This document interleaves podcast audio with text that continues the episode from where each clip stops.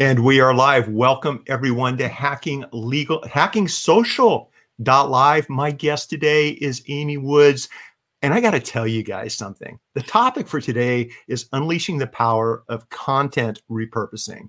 And Amy and I did a show a couple of weeks ago, and I was blown away with what Amy did after the show was over, how she recreated and repurposed content on all the different platforms uh, Amy to shine a light on our show, which was which was very wonderful and thoughtful of you. But also as a guy that enjoys good marketing and good branding, I'm like, mm-hmm. this. I've never seen anybody do it as well as Amy Woods. And so that's why I've asked Amy to be on the show today. She was referred to me by marketing pro Jay Baer. So when Jay makes a referral, you know it's going to be a good one. So Amy, all the way out of Manchester, uh, England, I believe. How are you doing yep. today? Everything good? Um, yes, I'm doing great. The sun is shining here in Manchester, and thank you so much for having me on. It's just great to be here. well, it, it's my pleasure. And you and I both know the power of social, the power of digital, mm. oftentimes is in the repurposing aspect of the platforms and of the content on those platforms. And I think that's where a lot of people drop the ball. And that's why I wanted Amy to be on the show, you guys, today. Share this out, ask your questions, and we'll make all the above happen. Amy and her company, Content X, are out of Manchester, England. They help entrepreneurs, business owners, and brands to leverage and repurpose their content in order to maximize reach, generate leads, increase revenue, and grow their business. And once again, you guys, I've never seen anyone do this as well as Amy and her team. So that's that's pretty cool. Um, Amy, why don't we start off with you know what is content repurposing and what is effective content repurposing? Yeah, so I think you know people have different definitions of of content repurposing, and um, to me, the content repurposing is about getting the most value out of the content that you create and it's about finding different ways to share that message so remembering that all forms of content are a form of communication and when we choose to create a certain piece of content we are communicating that message in that particular way. So we are um, creating a podcast episode where we're choosing to create content in that spoken way for people to listen.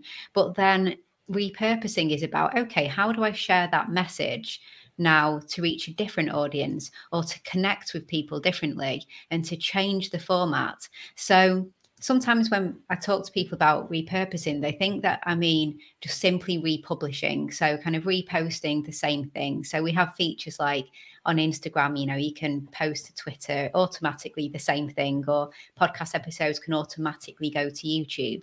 But I see it as being a lot more, um, I suppose, uh, creative and strategic with with how you repurpose and thinking about um, different platforms. So people go to different platforms for different reasons in different frame of minds to consume content in different ways. So you need to think about how you can share a message that you shared in one platform in a different way on different platforms.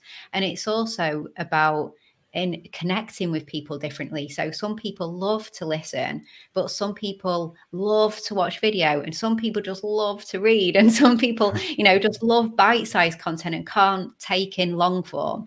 So when you repurpose, you really trying to make your content go further. And the beauty of it is that you are sticking to the same message. You know, you put all that effort into that first piece of content, you're becoming known for that message again and again, and just showing people that you want to meet where they are and communicate in the ways that they want to be communicated with. So, kind of a long answer, but um, I've made I've, I've made it my life's work now to be a content repurposer. So I'm quite passionate about that answer. Good, good. it, you should be because it's I am so impressed by what I've watched you do. And I know later on in the show, we're going to go over if you do a live video like this live video, an interview, Amy's going to share some ways to repurpose mm-hmm. the content of this live video in many different ways that, that she would recommend that will work for you. But Amy, let's take a step step back. We put in a lot of time pre-promoting uh, or creating our content or pre-promoting our show we take time doing an interview or maybe having a live video show doing q&a and now we're going to be taking time to create and repurpose the content. Mm-hmm. Uh, from a percentage standpoint, for example, with most of my shows, I'll spend 20% getting ready because it's usually on a topic I'm already familiar with. I'll spend most of my time on the show interviewing a wonderful guest like you, making sure everything's working. And in the past, I would spend maybe five or 10% mentioning the show after we were done, repurposing the show. Now, that was up until four or five years ago until I realized the importance of repurposing content uh, over and over. What is your ratio when it comes to repurposing content? Are you spending as much time repurposing that content as you are creating it in the first place? Yeah, I mean, you would probably be surprised that I, I, guess I would I would say that you should spend more time on the repurposing than the original piece.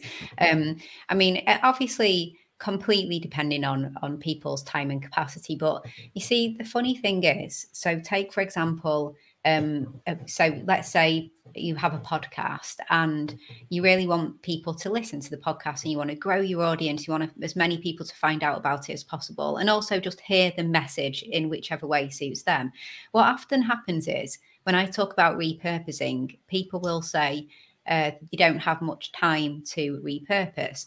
But usually, what they'll say is because by the time I finish one episode, I'm immediately working on the next one. You know, where would I fit the time in between one to the other? Because I'm I'm constantly churning out the new content. But I guess my challenge is to um, to make sure that you see it all as content you know it's it's not the main content is you know the best the pillar content you know that's on the pedestal and then the repurposed content is just that you know the seconds of the, of the main event because the content that you create from re- from repurposing an original piece can be just as good. Sometimes it can go on and have a bigger impact in its repurposed format. So there might have been a live stream that didn't take off that well, but the blog post about the live stream that when you know that took mm-hmm. off or, or whatever, you know, like it doesn't.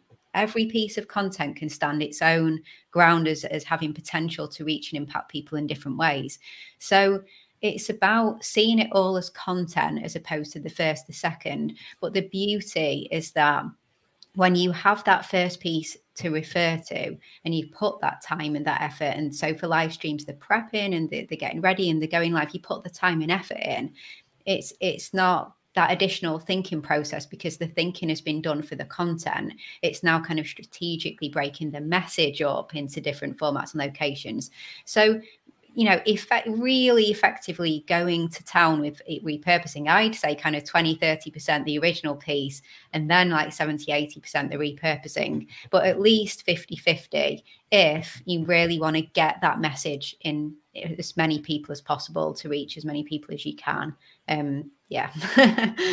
well, I, am glad I asked you that question. And uh, before I continue, Nancy says, Hi, friends. Amy is a content rock star. We're going to oh, second that, Nancy. And Nancy, so are you. So it's good to have you stop by the show. For those of you just tuning in, and I've already got a few questions, Amy over on the right, um, please share this out. Please ask your questions. Uh, we're going to take our time and get through every single talking point that we can when it comes to repurposing content.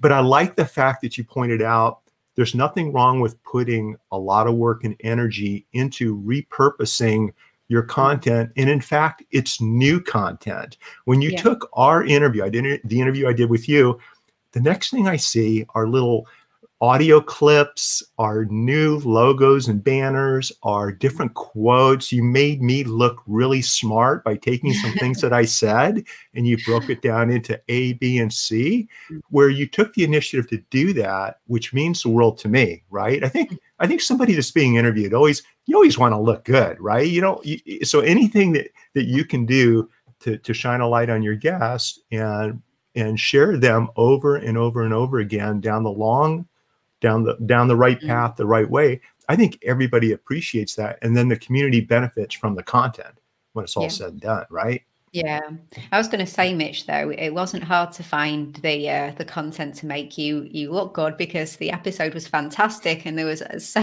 many golden gems in there. And I said to my um, copywriter when he, you know he he draws up the plan and he works out what the best quotes are and what the best sound bites were and things like that. I said to him on this one with Mitch, you you are actually going to be so spoiled for choice. You're going to just you're not going to know which sound bites to use and which because it was gold. Oh. So um so you made it you made making you look good easy, Mitch. well, thank thank you, Amy. I'm going to share that clip with my family, okay? Because they don't think I'm smart enough to figure out how to take the trash out on a Monday morning. Um, I've got a, a, if you don't mind, there's a question over here from John. Brilliant. And when, look, when you and I talk about repurposing, I know what we're talking about. You know what we're talking about.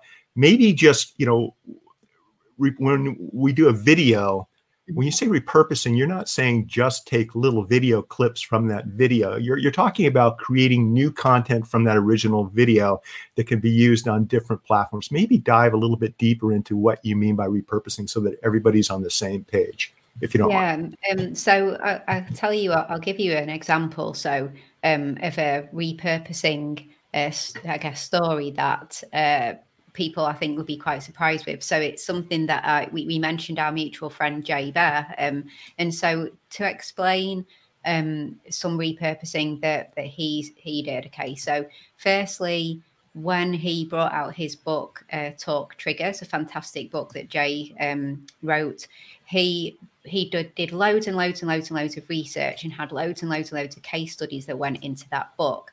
Okay, so all of the research became a book but he also turned that research into a keynote talk. So we're starting to go mm. a bit down the repurposing route here because there was a load of research that became a book, but also became a keynote delivered on stages, you know, all over the world. And then all the case studies in the book um, became individual videos so short videos the talk triggers youtube series was launched okay so we're repurposing case studies from research into a weekly show on YouTube. And every week, um, it was a short, kind of seven or eight minute episode that dug into a case study shared in the book. Then every one of those videos became a podcast episode. So it wasn't just the weekly Talk Triggers YouTube show, it was the Talk Triggers podcast as well. And that came from extracting audio from video and producing that into a podcast. So we have both of those. The video is going on YouTube, the podcast is going onto the podcasting apps. And again, that's for some people love to listen, some people love to watch. So choose your way of taking in this awesome content. But didn't stop there. So then they became blog posts. So that case study and everything said in that, all the great comments became, you know, long form written blog posts. So maybe you don't want to read, maybe you don't want to watch, but you maybe you don't want to watch or listen, but you want to read. Okay. So they became blog posts. So this is repurposing video into podcast episode, into blog post, and then social media content. So from the video, there's conversation starters in Twitter. Let's let's create lots of different tweets asking people about things brought up in the video, points made, questions to ask. Um, let's take, as, as, you mentioned, Mitch, let's also create shorter videos. So um, let's take this long video and create 15 second ones to share in Instagram stories and and and one minute ones to, to share on LinkedIn and that kind of thing. So slicing and dicing up the video and creating like quotes and, and graphics and things like that. And I know I'm talking about a lot of different skill sets, I guess, here in talking about this, but it's okay. Um, it's going across all these different. So, you know, you could start at the top with video to podcast to blog post to tweets to Insta content, Facebook, LinkedIn, etc. And you know maybe you were talking about the um, you know the top 10 ways to do a live stream and you could turn that into a checklist as well um, and have a content upgrade right there to grow you, your email subscribers by having a, an accompanying checklist or an infographic that you can get onto um, you know places like uh, pinterest and places like that. So um, then we're going down the visual route as well. So it's really thinking about um, about the different formats yeah not just taking one thing and slicing it into what it is which is a great thing to do you know blog post into tweets videos into shorter videos but it, it is about yeah other long form as well as other bite size uh, snackable content as well. And, and Amy, when we talk about all the different format styles, I think if it's if it's my if my understanding is correct, you're creating this content with the understanding of different learning styles. Your community yeah. learns and digests content in different ways. Maybe talk a little bit about that. Yeah. So um, actually, I could jump to some slides that I have on the different learning yeah. styles if you want. I have. I say some, go for yeah. it. Roll the dice. so um, let me do my click on the little screen share. Here we go. Um, there. So we can see these slides now, can't we? Um, yes, we um, can. Yeah. So um, so there's seven different learning styles and when we are creating content we're always thinking about this we're thinking about the different learning styles and how we can uh, try and connect with people because we all learn differently and we all connect with content in different ways. And it's definitely not to say that if you only create a certain type of content you're only going to connect with people who who prefer that. So, you know, if you only ever create podcasts, I'm not saying you would only ever connect with people who prefer to listen, but you'll establish a deeper connection with people if you can just go that bit further to the content that's more their preference. So, the seven learning styles I talk about, there's the visual learning style. So, um, people who love to learn from pictures, images, charts, photos. So, you know, definitely people who probably love the the quote images and um, the content that you would see in places like Instagram. Um, then you have the, um, the oral learners. Always that's out, isn't oh, it? Basset so, Hound. Yay!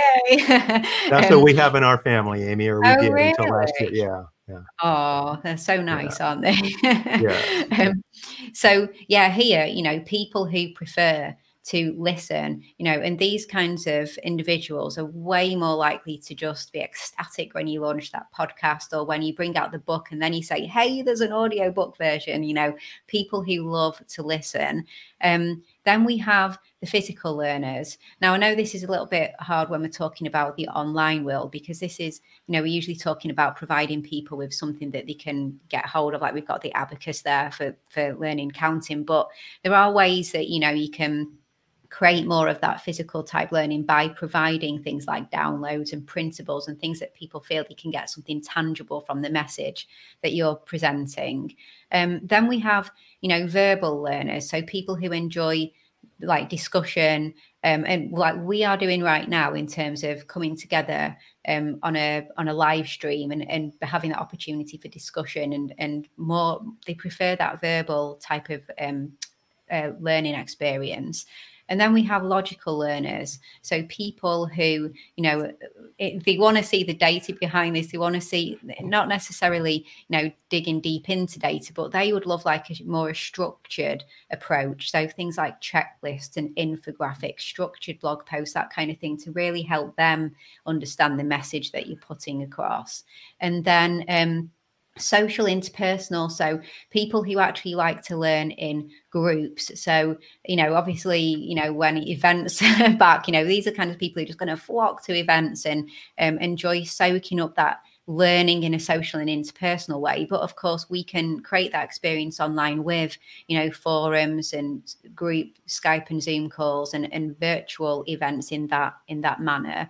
Um, and then we have the seventh so the solitary learners so people who like to just learn alone and are maybe more likely to sign up for that online course they're more likely to you know prefer like a self-learning option things not as much in their face but more consuming that reading that blog post in their own time signing up to something that they can do.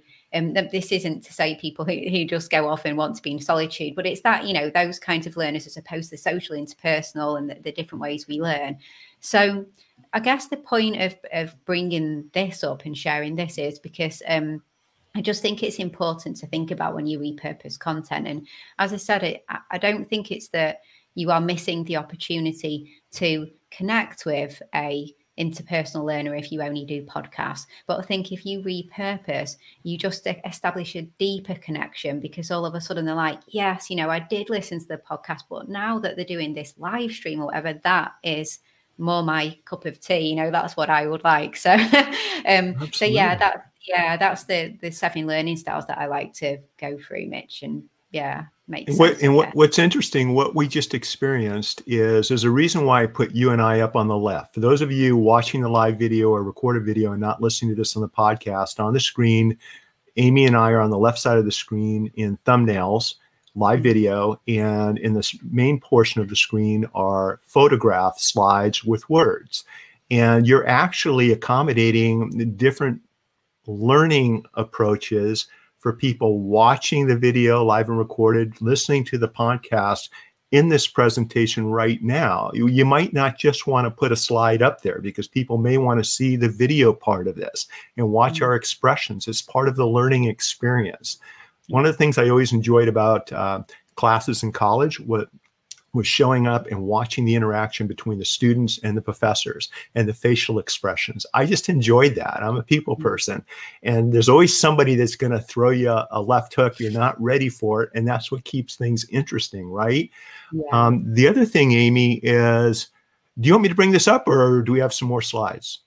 you want me no to keep this um, uh, i can I, i've got some slides that i can share when we Okay. go through breaking down a facebook live but i can stop Okay. sharing now Oh, I can. There we go. Okay. I was just going to, I was just going to say the other thing is we want to take into consideration our audience. Um, yes This Mhm. Wednesday evening, our time here in California, I have Haben Girma on my show. Haben is the first deaf blind graduate of Harvard Law School. She's the author of a best selling book. She's a civil rights and disability advocate. And so the way Haben and I are putting on our live video show takes into consideration how can we communicate and, and how can our audience and her audience digest the information that we're going to be sharing. Now, we did this once before, three or four years ago, so she and I both know what we're going to do. But you do want to consider how is your audience digesting the information? And, and then I guess, Amy, when repurposing that type of content, you also want to take into consideration, for example, American with Disabilities Act and, and, Yeah. and rules and regulations, right? And all the above. I mean, you can dive deep into repurposing content. Yeah, exactly. I mean, you know, quite often people ask me um, about things like transcriptions, you know, so when they have the, the videos and podcasts, and people will ask me about should they do transcriptions and will it help them with SEO and, you know, getting found by the search engines. But um, my answer to that always is actually no, you know, transcripts aren't really known to help you with SEO because they're not written in an SEO friendly way. You're not they're not written to rank for anything, but they from an accessibility perspective um, they are good for people who are hard of hearing or uh, they are good for people who don't speak your language as their first language. And you know there's so many ways that actually no it might not help you with the search engines but it helps it become more accessible you know to another level. And also just the kinds of people who want to who in their brain they listen to something but they really want to go back and read back through it and make notes and things like that. So you're going from that listening learner to more the structured learner. Now i want to highlight things and, and bring some structure to this and things like that. So it's always thinking about um, as you said, the accessibility and the different, yeah, the different types of people and, and trying to just bring it closer to more people, isn't it? Just trying to make it more accessible to as many people as possible. And I think when you do, I think uh, it's appreciated and it also gives you the opportunity to reach out and connect with more people, people who you may not have uh, had the opportunity to connect with. I, I have a question here. You mentioned earlier about taking video clips, taking our live video, and I know you're going to run in, run through how to repurpose a, a Facebook Live, for example. But what product or services do you use to create those clips? See, there's some basic questions here that maybe we can answer. Yeah. So, um, are we? Is it the question pertaining to t- turning longer videos into shorter videos, like video clips? Yeah. Yes. So, um, I mean, there's different options. There's um, using just a video editing software. So, you know, um, for example, on Macs, you most likely have iMovie built into the Macs, or people may use Yeah. things like Camtasia, Final Cut Pro, but video editing software where doing when you do a live like a live stream like this or you have a pre-recorded video but you'll get you'll extract the video file. So using third party software you can download the mp4 the video file of the video that you've created. So using software like that it's about uploading the video into the software and then you know editing out clips. So just creating the clips and discarding the content that you don't want and then creating individual clips. So that's one way. Um, when we do that, um, don't want to get, get too techy, but when we do that, we we use a program called Canva. So Canva is a graphic uh, editing software. I think there's a free version, and then it's very low priced and it's brilliant. It's I love it. I love it. the best yeah. thing, isn't it? So yeah. we we like to create uh, canvases that we put the video to sit on, and what I mean by that is often, you know, when you see uh, on social media, videos often sit in in somewhat of a you know a canvas with a title at the top and captions at the bottom and progress bars and things like that. They look more like a, made for social media video, and um, so we like to create that border around the video in something like Canva, and then we'll we'll edit that into the video using the editing software. Now, if you if you don't want to use editing software, um, like like I mentioned, iMovie, Camtasia, things like that, there are certain programs that um, they they're quite you know restrictive in terms of they maybe they won't have exactly your color brand and you won't maybe you won't be able to add your logo and things like that but there are still programs that still help you do things like that. There's one called Zubtitle i think i'm saying it right uh, with a z like subtitles and and there's another called oh it's not because we don't use it it's gone off the top of my head but it's um splasheo that's Mm-hmm. There's one called Splasheo. You pay a monthly fee, and from that monthly fee, you can you get so many little videos that you can create a, w- a week. Uh, yeah, I think like so many a month or something like that. So there's software, or or just see if you can use video editing software, or or you know hire somebody who can just do that video editing for you and create like really great looking on a repetitive kind of canvas that looks on brand for you. Um, Perfect. always and add captions, whatever you do, social media, add captions to videos. no, that I mean, it's sometimes it's it's just breaking it down to the basics for a lot of team members, lawyers who have front office team members that are going to be doing this. I will tell you guys when we upload our video into iMovie, which is what uh, mm-hmm. Amy mentioned, which is free with with our Macs. Um, what we do is we then will download the uh, the audio only and use that to help create the podcast. Although StreamYard does allow you just to download the audio, but we find when we're able to look at the video and Amy and I talking while we're looking at the audio, it's actually easier to edit the audio and then download just the audio. At least it is for us. We also are using uh, Lately, trylately.com. Uh, Have you tried that, Amy? Because it's pretty powerful. It's yeah. so so what it is, it's an AI based service, and I am a brand brand ambassador for the company, you guys, but it's because I like the product.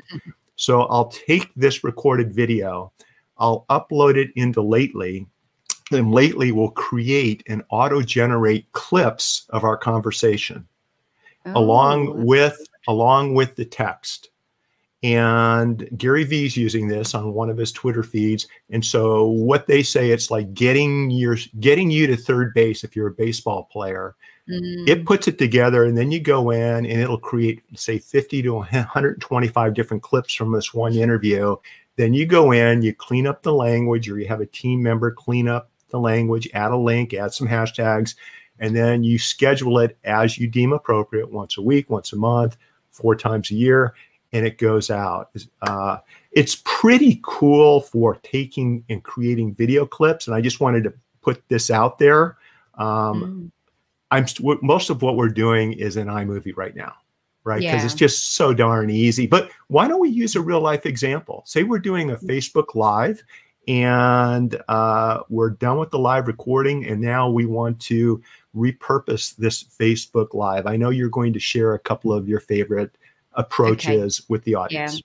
I'll jump. I'll, I'll jump on to my slides again, and I'll show okay. you. Um, so, uh, really quickly, um, I want to point out something, which is really quickly that before we get into how to repurpose a live video, I wanted to make the point that sometimes your live video can be repurposed content to begin with. And what I mean by that is when people say to me, What would the live be about? or how do I prep for the live and things like that. So, a podcast, a, a live stream could be expanding on a podcast episode.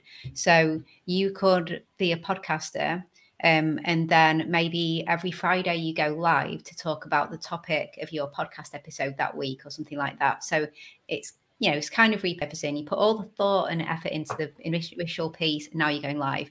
Another option, um, you do blog posts, and then every live, every week or whatever it may be, maybe you do live stream about blog posts. Um, you could make your live streams answering questions from your clients. Um, so the questions come in, and every week a live stream is in relation to that. Uh, questions from social media, Twitter chats, Insta stories, polls, that kind of thing, or inviting you know guests onto your show. So sometimes people do a podcast and then they do a live stream with the same guest. So getting a little bit meta, but your live stream can even start from you know repurposed content, repurposed ideas, I guess, and messages. Um, and then different ways to repurpose a live video. So um, for we when we looked at the learning styles when you do your live video you're connecting very deeply with those verbal learners and also the social interpersonal people who turn up enjoying the live experience and the interaction. Um, you can we've talked about some of this so extracting the videos and putting into other locations and um, putting your video onto youtube and um, other places like that. Um, we talked about this as well, but putting your video into a blog as well. So when you have that video content, extracting the video and sharing it in like a vlog style uh, um, content on your um, blog. Um, editing, so remove live elements and make it more interesting for a non-live audience is often something that we recommend. So often we really recommend having a way that you segment your live so that there's a clear section that you could repurpose where it doesn't involve maybe some live interaction, asking people to comment below and all that kind of thing. So it's stripping that out in the after of the live to make it more interesting for that non-live audience that missed the live experience. Can you so, can you I'm not sure I understand that. Okay, so where it says remove live elements, make it more interesting for your non-live audience. Can you give me an example? Yeah, I can give you an example. So, um, so for example, a client of ours, um, she used to do uh, live streams where she had uh, it was fashion. It was like a kind of fashion, uh, travel fashion type um, live okay. streams. She have clothes and things like that. And we used to repurpose, like I say, forty-five minute live stream into more like a 10 to 12 minute YouTube video. And what we used to take out was a lot of the just kind of live aspects. So waiting for people to join, you know, let's have a few more people join before we get started, cutting that out, um, maybe cutting out uh, sections where it became a bit back and forward, you know, people asking questions and saying, not quite sure what you mean. Can you type a little bit more in here? Oh, you know, love it, cutting love it. all of that out. So really it's not fair to say trim the fat because it wasn't fat to begin with but um but you know what i mean like really sharpening it up so that a youtube person just sees bam bam bam bam bam she she'd deliver tip after tip after tip after tip and a non-live stream person just saw the absolute gold. So that's something that we often do is really trim down a live stream for a post live video. Yeah.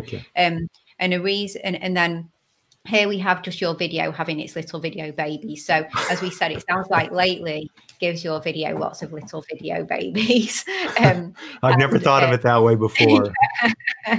um, so using various tools and slicing and dicing the videos and sharing in all the different platforms that you want to share them with. Um, mm. But that's all still video. So we've talked about video and different ways to share the video. So when we're looking at, okay, how do we move from video now? So extracting the audio. So Mitch, you just mentioned this before, and it's something I mentioned with Jay Baer and, and his Talk Triggers show. But when you have video, you have audio. So if you are interested in having a podcast and having that podcast audience and it's appropriate and it's not too visually dependent and that kind of thing, then it's a really great idea to explore extracting audio from video and turning into podcast episode. And especially when I mentioned earlier the removal of some of the live elements from videos. So we often we would do this with our clients who are turning live streams to podcast episodes just because we would be thinking about the audio experience and and definitely not wanting to hear comment below and things like that because that's not relevant when you're listening to the podcast in the car and that kind of thing so um this is a really good thing to do and I, I really do recommend it because um I think sometimes people are surprised how much their audience are crying out to listen to them in the car or on the dog walk because they don't have enough time to watch the videos and that kind of thing. Um, so that gets you connecting with those oral learners too. So you're expanding who you are connecting with through that type of content. Um, then we have create written content. People do still want to read. So I've got here from a Amy, live stream. Amy. Yeah. Just real Yeah. quick before I forget it, because at my age, if I don't say something, I'm going to forget about it. yeah, yeah. Uh, I, I think what's interesting is, like you said, there's sometimes there's so much noise during the live broadcast. People's mics don't work. Can you repeat the question? When you do create that audio for a podcast or for Amazon, Alexa, I don't want to turn her on, or she's in the corner, or uh, Google Home, you can edit out those dead spots in the audio too. You can make your audio better too before you share it with the world. You don't have Yeah. to share bad audio with the world, right?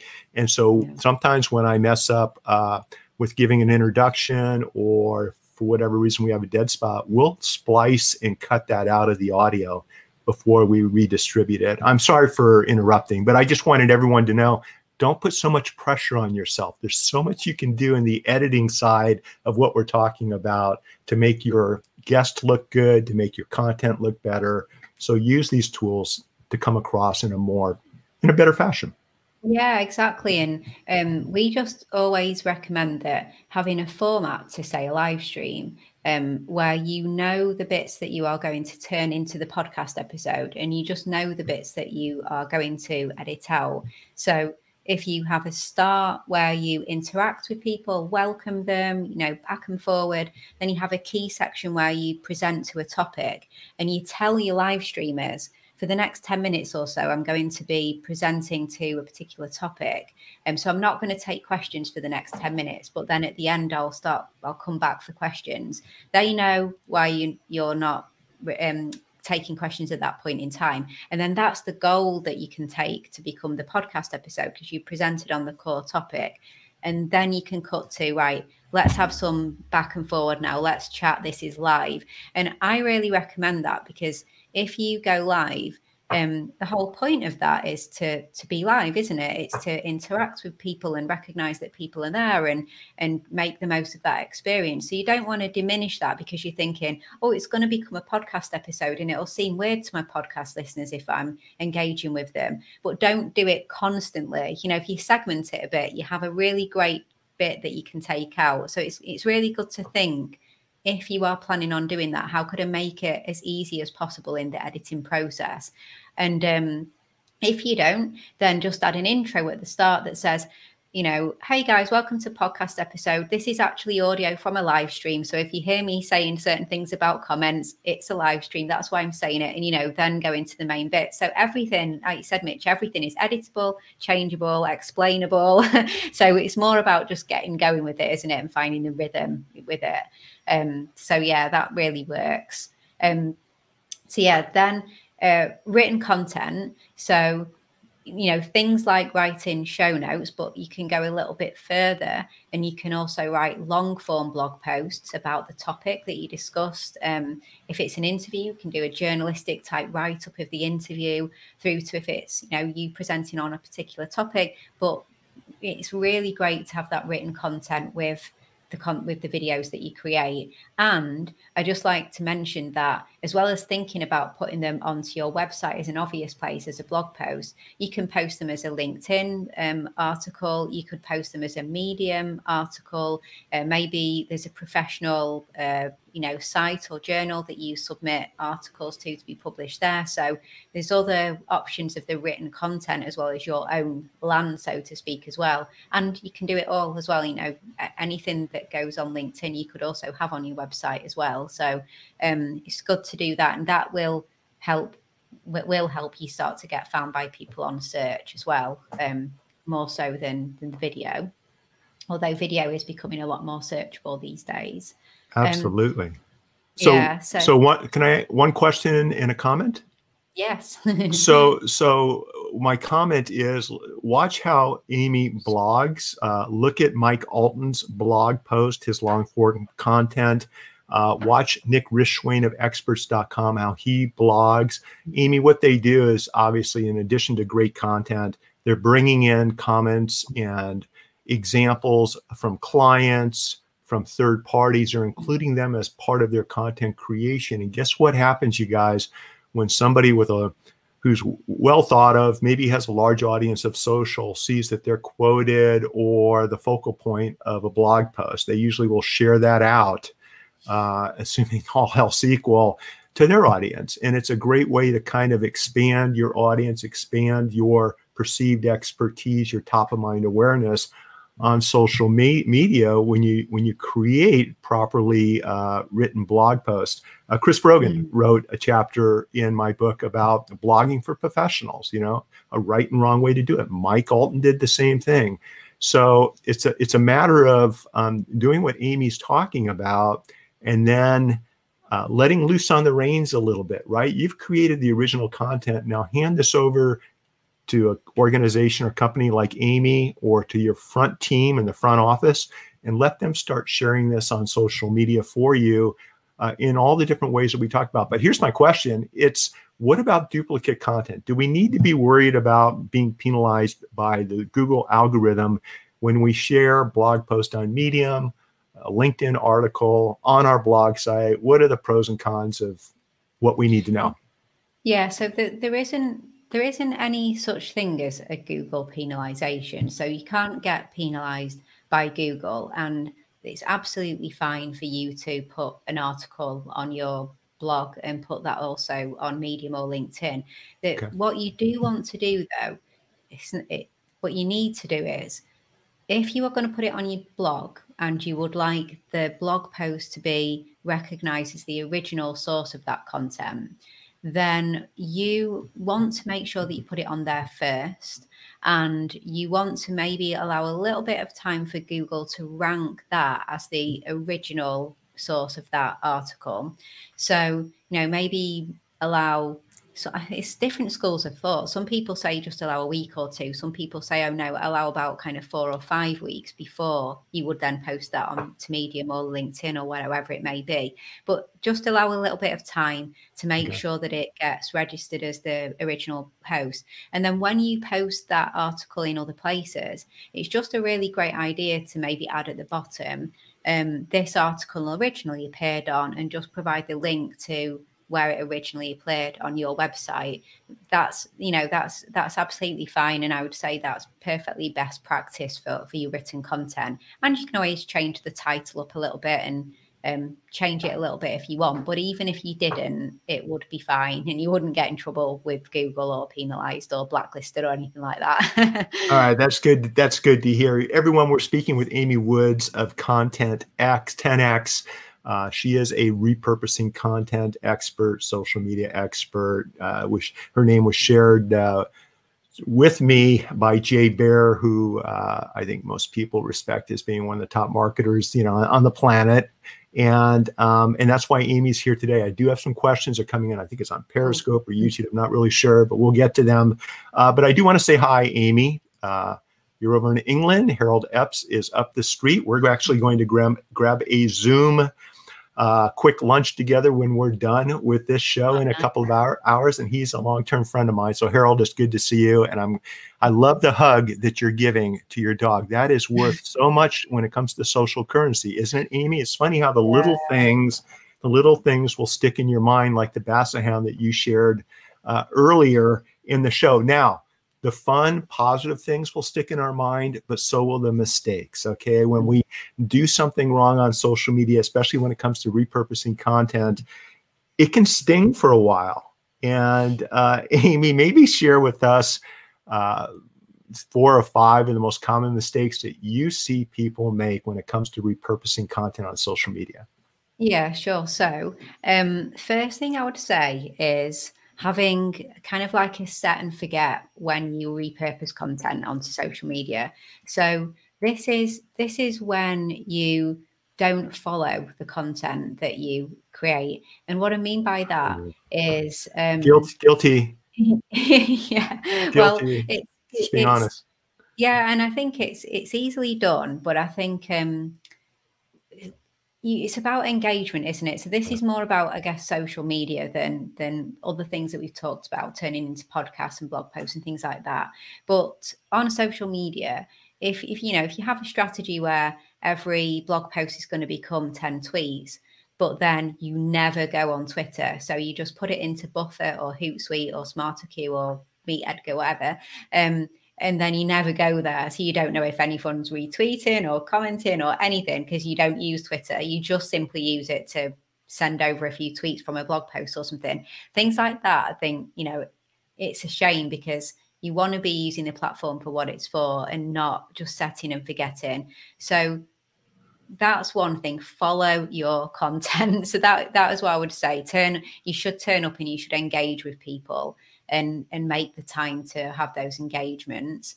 Um, other mistakes, so uh, not respecting the platform. So this mm. is this is really about it's not just a one size fits all approach, and the the the, the Instagram post may not be the LinkedIn post, and the LinkedIn post may not be the TikTok post that you're planning on doing, and so on. So it's really about um, consider why people are there um, and make sure coming back to when we were talking about it's all a form of communication and just getting your message across in the most appropriate way for that platform.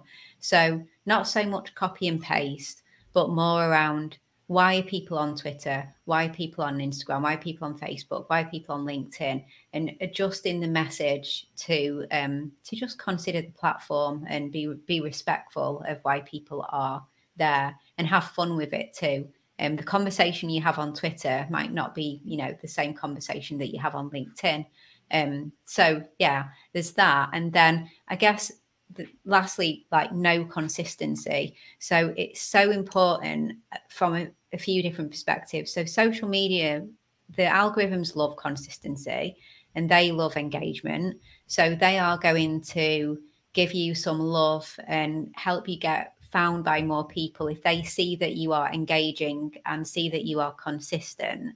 Um, but also humans love consistency too. You know, like humans love it. If we stop and talk about bots and just say, right, humans love um, consistency. Actually, they like to see similar things coming out at similar time. We like to see you be consistent with your message and who you are and what you stand for and what, what you're telling people you do and consistent with showing up in different places. And humans love to be engaged with too, don't they? So it's not just about the bots here.